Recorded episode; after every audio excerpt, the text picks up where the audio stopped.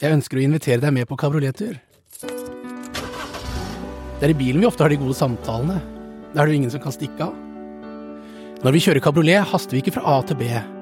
Selve målet er å glede seg over reisen. Kanskje litt som i livet. Og hva er vel mer naturlig enn å ha med seg gjester på den reisen, som har historier å fortelle? Hjertevarme og morsomme historier om ledelse, mot og livsmestring. Livsglade historier som inspirerer oss til å bli modigere som mennesker og som ledere. Velkommen til På kabriolettur med Røyne. Mitt navn er Svein Harald Røyne. Beklager dårlig lyd i denne episoden. Om få episoder har vi bedre lydkvalitet. I dag så har jeg med meg eh, en av mine virkelig store helter. En fantastisk mann som jeg bare eh, ja, er, er imponert over på alle mulige måter. eh, Nemlig Marco El Safadi. Og, og Marco eh, Egentlig så trenger vel han kanskje ikke noen eh, introduksjon, men likevel så syns jeg vi skal gjøre det. Det kan jo hende at du ikke har fulgt med på TV i det hele tatt siste. Eh, Eller eh, følge med Ja, egentlig følge med. Så derfor så eh, Marco, hei. Velkommen. Hvem er du? ikke sant? Jeg, eh, jeg er Marco, og nå er vi i Kragerø. Her er jeg vokst opp. Og nå er vi ute og kjører i mine hva skal jeg si, barndomsgater. da. Så det var litt kjekt å få deg hit. Ja, det er hyggelig Velkommen skal du være. Takk skal du ha. ja, det er en gave, å- gave å komme hit. Så bra. Ja. Hva, hva tenker du vi skal snakke om i dag? da? Ja, du vet hva, jeg Veldig mye, men jeg, jeg tenkte først eh, Om du kunne fortelle litt grann om eh, hva du gjør, og kanskje aller mest hvorfor du gjør det. Ja, eh, no, altså Skal vi begynne litt tilbake i tid, så kom vi til Norge som flyktninger og havna i Kragerø her. Eh, her bodde jeg i åtte år, fram til jeg ble 18, så jeg kom hit som tiåring. Flytta etter hvert til Kristiansand og derifra til Bergen, hvor jeg fortsatt bor. Og, og har spilt basket. Det er liksom eh, idretten jeg fant falt for. Men ved siden av så har jeg hele veien jobba med, med barn og unge. Det har liksom vært min store lidenskap. Ja, hvor, hvor, hvorfor, eh, hvorfor barn og unge? Og hva er det som liksom tente den? Nei, det starta jo allerede mens vi bodde med sånn midlertidig oppholdstillatelse i gamle Vest-Berlin. Så var det min mor altså, som passa barn. Og jeg hadde sånn dagmammarolle. Vi var jo Vi hadde ikke lov, da. Foreldrene mine hadde ikke arbeidstillatelse. Så da var det som eh, ta de strøjobbene som de kunne få lov å ha. Og som dagmamma hjemme som hjemmeværende, det var jo det som passa mamma best. Så da hadde hun en del barn hjemme, og jeg eh, pleide når jeg kom hjem fra skolen, å alltid herje rundt med de. da. De var jo en del år yngre enn meg. Og min mor sa alltid det til foreldrene når de ble henta, fordi de gråt om de skulle dra. Når jeg hadde akkurat begynt å leke med dem. ja? Så eh, sa, sa mamma alltid at eh, du, han sønnen min er så glad i barna deres, og han er så glad i barn.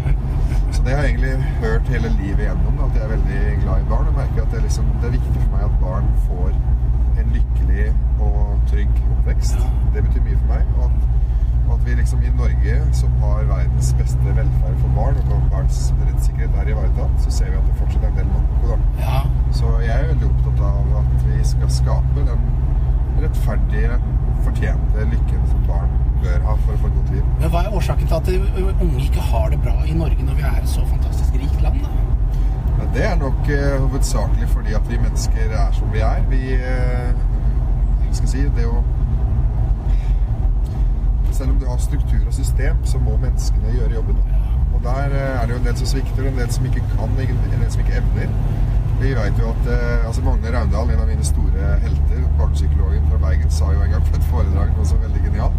Han sa, sa at det viktigste valget barn tar, er å velge gode foreldre. Ja, det, det, Ikke sant? Det er så genialt og enkelt sagt. Og det vet vi jo er tilfellet. og det valget har vi dessverre ikke. Nei, det er bingo, ikke sant? Og du har vært, eh, om du da har valgt gode foreldre, og i tillegg ble født i Norge, så har du på en måte vunnet i lotteriet, ikke sant? Ja, det er- Det i forhold til hvor Veldig Wonkas gullbillett, det. Ja, Ja. det er litt sånn. Mens eh, dessverre så er det selv i Norge, hvor vi har et fantastisk eh, system og en god velferd og et flott land, så er det en del foreldre som ikke evner å ta vare på barn. Men de får barn, og de eh, vokser opp og blir svikta. Og da er jeg veldig opptatt av at eh, hvis foreldrene ikke evner noe som er en naturlig prosess i deres reise, så må andre steppe inn. Da. Og da kan vi ikke vente på et system. Eh, Vi må som medmennesker bidra. Ja. Nei, men det er strålende. Det er, dette med foreldre har jo en utrolig viktig rolle. Men det eneste det vi kan gjøre, da, det er i hvert fall å sørge for at barna våre har valgt rett. Ja. Det er jo riktig. en av de oppgavene vi kan fortelle Ja. til alle voksne når vi snakker om disse temaene. Ja. ja da. Og, og det er klart, eh, jeg har jo blitt ganske mye klokere av eh, disse prosessene etter at jeg fikk barn sjøl. Ja. Fordi da blir du tatt med buksa nede og blir arrestert på, med spørsmål du aldri hadde forestilt deg. Er det ikke herlig? Og- Jo, det er helt fantastisk. Ja, Hvor mange barn har du? Jeg har to barn. To barn, ja. Ja, en datter som heter Sara, hun er åtte år, og en sønn og to eh, som heter Noah. Ja, Hva er det viktigste du har lært av dem, da? Altså, det viktigste jeg har lært, er, er eh, takknemlighet, tror jeg. Altså. Vær, vær takknemlig for uh, disse hverdagsøyeblikkene Mm. som dukker opp plutselig. Så må du bare ta det til deg og nyte det der du kan, og, og gjerne nyte minnene og, og samtalen. Ja, ikke sant? Fordi, ja altså Hver gang det skjer ting nå som har at tekniske nedturer, da eh, at Te tekniske nedturer, hva tenker du? Type materielle skader på en bil, f.eks. Oh, ja. Og så tenker jeg ja, ja, hva betyr det, da? Barna mine er friske. sant? Ja. Barna mine er, jeg, jeg, jeg kan se én video av barna mine som flirer og ler og humrer og tuller. Ja. Så er, så er det liksom dette må vi huske å være takknemlige for. Det er det som er viktigst. ja. En bil kan du jo betale deg ut av skaden på. Dette er eh, lykke. Mm. Så, så har jeg lært eh, i samtale med min datter, og jeg kan fortelle en historie om min sønn først. da. Ja. Han lærte meg jo, Det lærte jeg også av datteren min, men jeg ble påminnet da, av min sønn som var litt over et år. Da han eh, en dag kom inn på kjøkkenet etter å ha hatt en middagslur. Ja, ja. Samboeren min Solveig, som er lege og, og i, spesial, altså, i spesialisering i psykiatri, da. Så jeg tror hun opplever meg som sin vanskeligste pasient i samtalen. Vi, vi må snu et eller annet sted. Er det lenge til? Eller? Jeg tror vi kanskje bør gjøre det her, Ja, okay. slipper vi å, slipper vi å miste dekninga. Nei, Vi er redd for å miste dekning, skjønner du bare så si det. Derfor må vi gjøre en liten en turn her. Eh, Vi er, vi er nemlig i altfor idylliske omgivelser hvor det ikke ja, Telenor har dekning. Men sånn er det. Det er ingen som har dekning her. Det er ingen som Jeg har nettopp kommet i riker Ja, ok. Men eh, ja. eh, så Solveig og jeg satt, sto og lagde lunsj en dag eh, mens han lå og sov. Og så våkna han brått. Og da måtte vi avbryte den debatten. Og vi var inne i en ganske eh, skal si, engasjert debatt. Da. Begge har ganske sterke meninger når vi diskuterer, og det er jo egentlig litt deilig. Og så eh, drar hun og henter Noah og kommer opp igjen. Og så setter hun ham ned på gulvet så han kan sitte og leke mens vi gjør ferdig maten. Da. Og begge to har nok havna i en sånn prosess hvor vi formulerer eller prosesserer det som vi diskuterte i stad. For vi var ikke ferdig. Nei. Og da er vi litt fjerne begge to. Og det, det, det, det stemninga, den plukker han opp. Han var ett år og et par måneder. Og blir sittende først og observere oss en stund uten at jeg registrerer, før han da spør litt sånn nølende 'Pappa?' sier han sånn på en litt sånn rar måte. Så jeg snur meg og ser på han, og går bort og løfter ham opp, han tar opp armene. Og jeg som sitter på hofta mi, og jeg fortsetter å lage mat, da forsvinner inn i hodet mitt igjen. Så sier han enda en gang 'Pappa?' Så ser jeg på han en gang til, og da registrerer jeg at nå har ikke jeg vært med. Nei. Så prøver jeg å gi han oppmerksomhet, da. Ja. Og er liksom eh, antageligvis litt for stiv i maska. Så stryker jeg meg på begge kinna sånn mens han sier 'pappa'. Ja. Så prøver han å få i gang smilet mitt. Da. da ble jeg så satt ut av det. Jeg ble skikkelig rørt. Og tenkte Hva skjedde nå? Så når jeg har liksom tenkt på den historien, så slår det meg at eh, her var det en gutt på ett år et par måneder som ville få i gang foreldra sine igjen. Som eh, følte at her var det litt trykka stemning. For ikke sant? Vi, eh, kroppsspråk er jo en av de første språkene vi lærer. Ja. Så de leser jo det. Vi klarer ikke det verbale med kroppsspråk. Det er jo, så det er um, Jeg tror nok at barn eh, mer enn eh, vi aner, får med seg alt. Ja. Og det allerede så tidlig så viser han meg hvor rå han er da, på å plukke opp stemning. Dette kan vi. Alle veit jo det. At eh, stemning plukker vi opp i hvert eneste rom vi går inn i. Går ja, ikke sant? Du bør, ikke- folk bør ikke si et ord inni dette rommet, og du mener, kjenner med en gang at her er dårlig stemning. Eller, Ja, eller god er stemning. sikkert veldig god stemning. Ja. Så det syns jeg er litt magisk. eh, Og det, det, ja. Så jeg har liksom begynt å tenke når var det jeg lærte å plukke opp stemningen? Og så ser jeg på barna mine og tenker sønnen min er rågod på det. Mm. Datteren min på åtte har vært ekspert i mange år. Ja, ikke sant? Ikke sant? Hvis jeg spør henne hvem, hvilke lærere som liker henne ekstra godt, så kan hun nevne dem med navn. Ja. Er det noen du har et mer anstrengt forhold til, så kan hun nevne én og to med navn. Og dette er jo ingen som har fortalt henne. Hun bare veit det. Og det tror jeg alle husker fra egen skoletid. Vi veit hvem vi har et godt forhold til, og hvem vi ikke har et godt forhold til. Vi plukker opp den rasjonelle stemninga med en gang. Og er ikke i tvil. sant? Nei, Men jeg, jeg er jo veldig opptatt av dette med å være modig. ikke sant? Jeg har jo til og med skrevet en bok som heter 'Modig', og, og dette snakker jeg om på mine foredrag. Eh, og du, jeg, jeg oppfatter at du er en veldig modig mann, men hva legger du i det å være modig? Takk for det, forresten. Vær så god. Er du modig, for, er du, er du modig da? Ja, jeg er supermodig. ah, ja. Jo. Vet du, jo, men vet, for å være helt ærlig, jeg var, jeg var jo ikke det. Og jeg tror vel mange, når vi er små, eh, og gjennom oppveksten, så blir vi veldig Vi havner inn i en eller annen trakt, og vi, vi, vi tør egentlig ikke å vise hvem vi er, fordi at vi ønsker å passe inn. Vi ønsker ikke å bli avvist. Ja. Og jeg har vel eh, innsett det, og, og litt sent, jeg må vise hvem jeg er. Ja. Og da, da tiltrekker jeg meg de menneskene som jeg liker ja. som passer med meg. Men hvis jeg forsøker å være noe annet, så tiltrekker jeg andre typer mennesker, og da får jeg ikke den gode relasjonen som jeg har et ønske om. Så jeg tror at jeg nå er modig nok til å kunne vise hvem jeg er på godt og vondt. Og vise min sårbarhet. Så ja, i så måte så mener jeg at jeg er en modig person. Det var et veldig godt svar. Jeg har eh, Ja, altså, jeg, jeg syns altså, Modig er jo et veldig fint og viktig begrep. Og, og en egenskap som jeg først og fremst mener at vi kan trene på å bli gode på. Ja. Det krever at vi må, vi må eh, vite hvordan vi skal trene på. Og det er her jeg syns at eh, ting blir overlatt litt for mye til tilfeldighet. Jeg savner et fag i skolen der du kan jobbe med å utvikle dine menneskelige ressurser. Og det Men nå snakker du om livsmestring, men, men det blir ikke Ja. fag, det blir bare litt sånn tematikk over. Ja, nei, men livsmestring, og alle har jo en eller annen fase de står i mens de går på skolen og kunne ha jobba med den. Og gjort det til livsmestringsfag, da. Ja. Og jeg- individuelt, individuell utvikling, ikke sant. Og tenk hvor mye vi hadde fått igjen for å få alle gjennom et, et eller annet form for system, systematisk, eh, en systematisk prosess, da. Der du kan bli bevisst på hva du kan og ikke kan, og hva du bør jobbe med, og hva du kan bli bedre på. Så mot, mot jeg tenker modig er kanskje et av de viktigste for å bli et godt medmenneske. Fordi vi vet jo at veldig ofte kommer vi til å møte situasjoner i eget liv eller i andres liv som, der de trenger oss. De trenger vår aksjon. Da. De trenger at vi griper inn. Der, der veldig mange svikter. Ja. Ikke fordi de ikke har lyst, men fordi de ikke tør. Og det, det syns jeg er eh, litt trist. At folk blir svikta av sine nære og kjære fordi de ikke tør. Så jeg har en sånn eh, overordna setning som sier at er du modig, så er du bedre medmenneske. Altså. Ja, ja det tror jeg jo. Jeg tror, det er helt... Men du nevnte noe her med, med datteren din. eh, For, for hun har allerede skjønt dette for lenge siden. Ja, hun har det. 8. mars så, eh, så hadde jeg et foredrag på en konferanse for, eh, for eh, 1400 kvinner. Det viste seg at det var en del menn der. og en litt nedtur. Ja, det var, det var meg som satt der. Du. Satt der. Vi møttes den dagen. Altså, og jeg måtte jo kle meg ut som en påfugl for å synes på alle de flotte damene. Det var tull, for du var mann, så du syntes. Ja, uansett, ja, ja. Men uh, hun, eh, jeg spurte henne den morgenen, da. Uh, kvinnedagen. Gratulerte med dagen. Og så sa jeg, Sara, hvilket råd har du til meg? Jeg skal holde foredrag for 1400 damer i dag, sa jeg. Hva skal jeg si til de? Fra deg.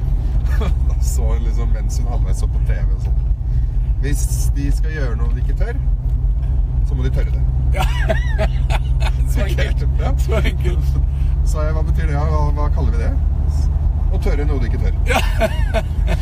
og så la hun til eh, For det er å være modig. For det er det som er å være modig. Ja. Fantastisk. Og da sa jeg eh, bra. Og hva eh, Og så la hun til etterpå, litt etter en pause. For da blir livet mye bedre. Og det tror jeg på, altså. Jeg tror det er veldig klokt og godt sagt. Hvis du tør å være modig For det første så overgår du din egen frykt. Ja. Du Og det tar er den som begrenser oss i livet vårt. Det er Ja, jeg kaller- ja, ja, ja. alt. En venn av meg kaller det et mentalt fengsel. Jeg syns det er et godt bilde. Veldig enig. Ja. Eh, et mentalt fengsel som vi bygger sjøl. Og her bør vi snu igjen. Bare vi må finne oss det vi kan snu. så så det, å, det å være modig er en, eh, det er en eh, krevende prosess, selvfølgelig der og da i situasjonen. Ja. Men belønningen venter deg i andre enden, selvfølgelig. Da når du får mestringen over egen frykt. Det gir deg et, et kick. Ja. Et adrenalinkick som gir deg stolthet og glede. Men tror du du kan trene så at du blir fryktløs innenfor alt? Nei. Nei. Det lar seg ikke gjøre. Nei. Du vil alltid komme i situasjoner der du må kjenne på den frykten, og det er jeg veldig glad for. Ellers hadde du hatt en diagnose du ikke hadde lyst på. Inn, ikke sant? Ja. Du, vil, du vil ikke være fryktløs. Nei, men det er helt Det er jo vårt kompass, det. ikke sant? Ja. Det gir oss en eh, mulighet til å, til å eh, justere oss og, og, og skjerpe oss. Ja. Og ja. Så Jeg håper vi rakk nå før vi mistet folk. Eh, Vi har i hvert fall noen fra Mandal som hilser på oss. Hei, hei da. Mandal. Hei, Gunhild. Hei. Og Frans òg er med òg. Ja, da har vi- da har vi dekning. Yes. Marco er en klok type. Ikke rart datteren har blitt klok også. Å, det var fint. Takk for det. Jeg tror det er hun som har gjort pappaen klok. jeg, Altså. Det er jo, det er jo sånn det ofte er. At Ja. eh, vi lærer av barna våre. Eh, Ja, vi gjør det. Og så har hun en klok mamma, og så har hun en klok stemamma. Og så hun, har, hun er omgitt av gode, Ja. trygge voksne. Og, jeg, og det tror jeg kanskje er eh, noe av det viktigste innsikten, eh, og noe vi må ta til oss. Det å skjønne hvor ekstremt viktig vi er i en travel hverdag. Og jeg, jeg bare Jeg husker selv jeg, jeg, når jeg, satt, jeg hadde hjemmekontor og satt nede i kjelleren. Og så når barna mine kom ned og så stilte meg et spørsmål, og jeg, så satt jeg da med hendene på tastaturet, og så snudde jeg meg til dem, og så, og så pratet jeg med dem. Og da stilte de spørsmål, og så gikk de. Og så fikk jeg et tips en gang um, av en mann som sa at vet vet du hva, når du skal snakke med folk, så må du være rettvendt. Ja. Og neste gang barna kom ned, og så spurte meg om noe, så snudde jeg hele kroppen mot dem, ja. og så pratet, og vet du da gikk det ikke. Nei. Da gikk det rett og slett ikke. Da, bare, og da plutselig kom andre ting, og det var ikke bare svar på spørsmålet. men Ja. Og da skjønner jeg hvor bare så lite Den derre å se dem og være til stede, Ja. altså rett og slett både fysisk og mentalt Ja. For den, eh, det er, de, de leser jo situasjonen der og da. Vil ikke forstyrre pappa. Har fått svar på det. Gå hjem. Ja. Mens idet du snur deg, så sender du et signal om at dette vil jeg. Ja. Det er jo helt logisk. Jeg tenker liksom, For en fantastisk eh, kompetanse de har, som veit når det er lurt. Og dette her opplevde jeg med mine medarbeidere. bare for å si det. Akkurat det samme. Da var det et tips fra en kollega som heter David, som, eh, som kom innom kontoret mitt. Jeg hadde da kontor eh, med utsikt mot det fine utearealet. Ja. Mens han, og, og har sagt til alle mine kollegaer døra mi står alltid åpen, og det var den fysisk. Ja, ja. Kom inn hvis dere lurer på noe. Eh, men de færreste kom jo inn. Fordi at jeg satt alltid og hamra på det tastaturet. Eller satt i telefonen. Og da ser man jo så opptatt ut. Mens så sa han da Den dagen han kom inn, så sa han det er vanskelig å Jeg vet ikke når jeg forstyrrer eller ikke. Så sa jeg men jeg har jo sagt at døra står åpen. Ja, ja, men du ser så opptatt ut. Jeg ser jo ikke uttrykket ditt, sa han. Og han er fra Sør-Amerika. Han liker eh, kontakt, da. Og da sa jeg å ja, ja, ja. Da snudde jeg bordet, da. Så hadde jeg liksom utsikten bak meg istedenfor foran meg. Og da fikk jeg sett kollegaer som gikk forbi og snikka og smilte. Og da smiler du, og der. da kommer de inn og hilser og blir stående. Ja. Så det var en sånn akkurat samme opplevelse som jeg tenker det angår oss alle. Tenk på hvilken, hvordan, ja, signaler du sender som du ikke er bevisst på. Ja. Og der, Jeg har en, en god kamerat av meg som, eh, som eh, har en topplederstilling. Eh, og han har ikke eget kontor. Nei. Og han fire av fem dager i uken så er han bare ute sammen med sine medarbeidere. Et stort, eh, eller stort selskap eller stort organisasjon i Oslo. Um, og, og, og er ute med folkene og Ja. møter dem ansikt til ansikt. Og, og de Det gjør det så bra. Det er knallbra. Ja. Og den siste dagen så gjemmer han seg på, på hjemmekontoret. G hjemmekontor, ja. G hjemmekontor. Ja, så helt fantastisk. Ja, veldig bra. Men nå, nå nærmer det seg slutten på samtalen. Dette går jo fryktelig fort. Um, Men har du noe som du kunne tenke deg noe å fortelle, eller, eller et, et råd eller noen tanke til de som eh, har tid til å Ja, altså se, se på? Som Jeg har tenkt litt på det her TV-innspillinga vi gjorde som heter Hvem bryr seg? Ja. Der vi stilte spørsmålet Bryr du deg om, om eh, skal si, mannen i gata? da? Hvis de hadde havna i trøbbel, hadde du bidratt? Hadde Ja. du stilt opp? Og alle, samtlige vi intervjua med åpen mikk, da, sa ja. De hadde, de hadde brydd seg. Ja. Alle bryr seg. Og det tror jeg på. Men når det kom til Intensjonen stykket ja, ja, og vi vil gjerne. Mm. Men når vi kom til stykket, da, så så vi at uh, over 70 gikk forbi. Ikke sant? Når vi hadde laga alle disse, alle disse støttene våre i, med skjult kamera. Og det sier jo egentlig ganske mye om uh, at vi rett og slett ikke At vi svikter oss sjøl og, og, alle rundt oss når det gjelder, hvis vi ikke trener litt på dette For jeg tror igjen altså, vi kan bli bedre mennesker av å trene på det. Så handler det om å finne ut hvordan trene jeg på det. Hver eneste gang du har en anledning, så takker du nei ubevisst og litt på refleks fordi du tror at det er skummelt og farlig. Ja, ja. Så det å lage seg en alarmknapp på forhånd, da, før stormen kommer, hvor du sier til deg sjøl neste gang jeg er redd, så har jeg lyst til å løse det med å være modig. Ja. Så tenker det å lage en sånn liten ABC på hvordan minne deg sjøl på det, og hvordan du gjør noe annet enn refleks. En mental bruksanvisning, egentlig. Ja, en liten mental vei, veiviser, Veiviser, så, har du, Mm. så har du muligheten til å bryte det mønsteret. Hvis ikke så går vi i, i baret med å havne i det mentale fengselet Ja. og gå forbi. Ja, Så, så mitt råd til folk er å trene i fredstid før stormen kommer. veldig bra. Ja, for når stormen først kommer, så er det for seint. Ja. Da klarer vi ikke å trene. Nei, det er helt riktig. Da gjør vi refleks. Så, og så må man tørre det man ikke tør, Da blir livet bedre. Og hun heter Sara. Sara. Vet du hva, Jeg syns at Sara skal få lov å ha det siste ordet her. Eh, tør å gjøre det du Ikke tør. Ja, fantastisk. Men vet du hva, Helt strålende. Tusen hjertelig takk for at du hadde tid og lyst til å bli med på, på tur, Marco. Jeg har ikke lyst til det. Tusen takk for invitasjonen. Ja, ja. Vet du hva, Å kjøre kabriolet, det er jo det beste som fins. Ja, det blåser litt i toppen. Ja. Jeg har ikke så mye hår, jeg heller, så det går greit. Men der de sier at det, det, eh, Egentlig så syns jeg jo at alle burde fått kabriolet på blå resept. For da blir livet litt, eh, litt lettere å leve. Alle episodene ble også filmet. Hvis du har lyst til å se videoene, finner du de og meg på sveinharaldrøyne.com.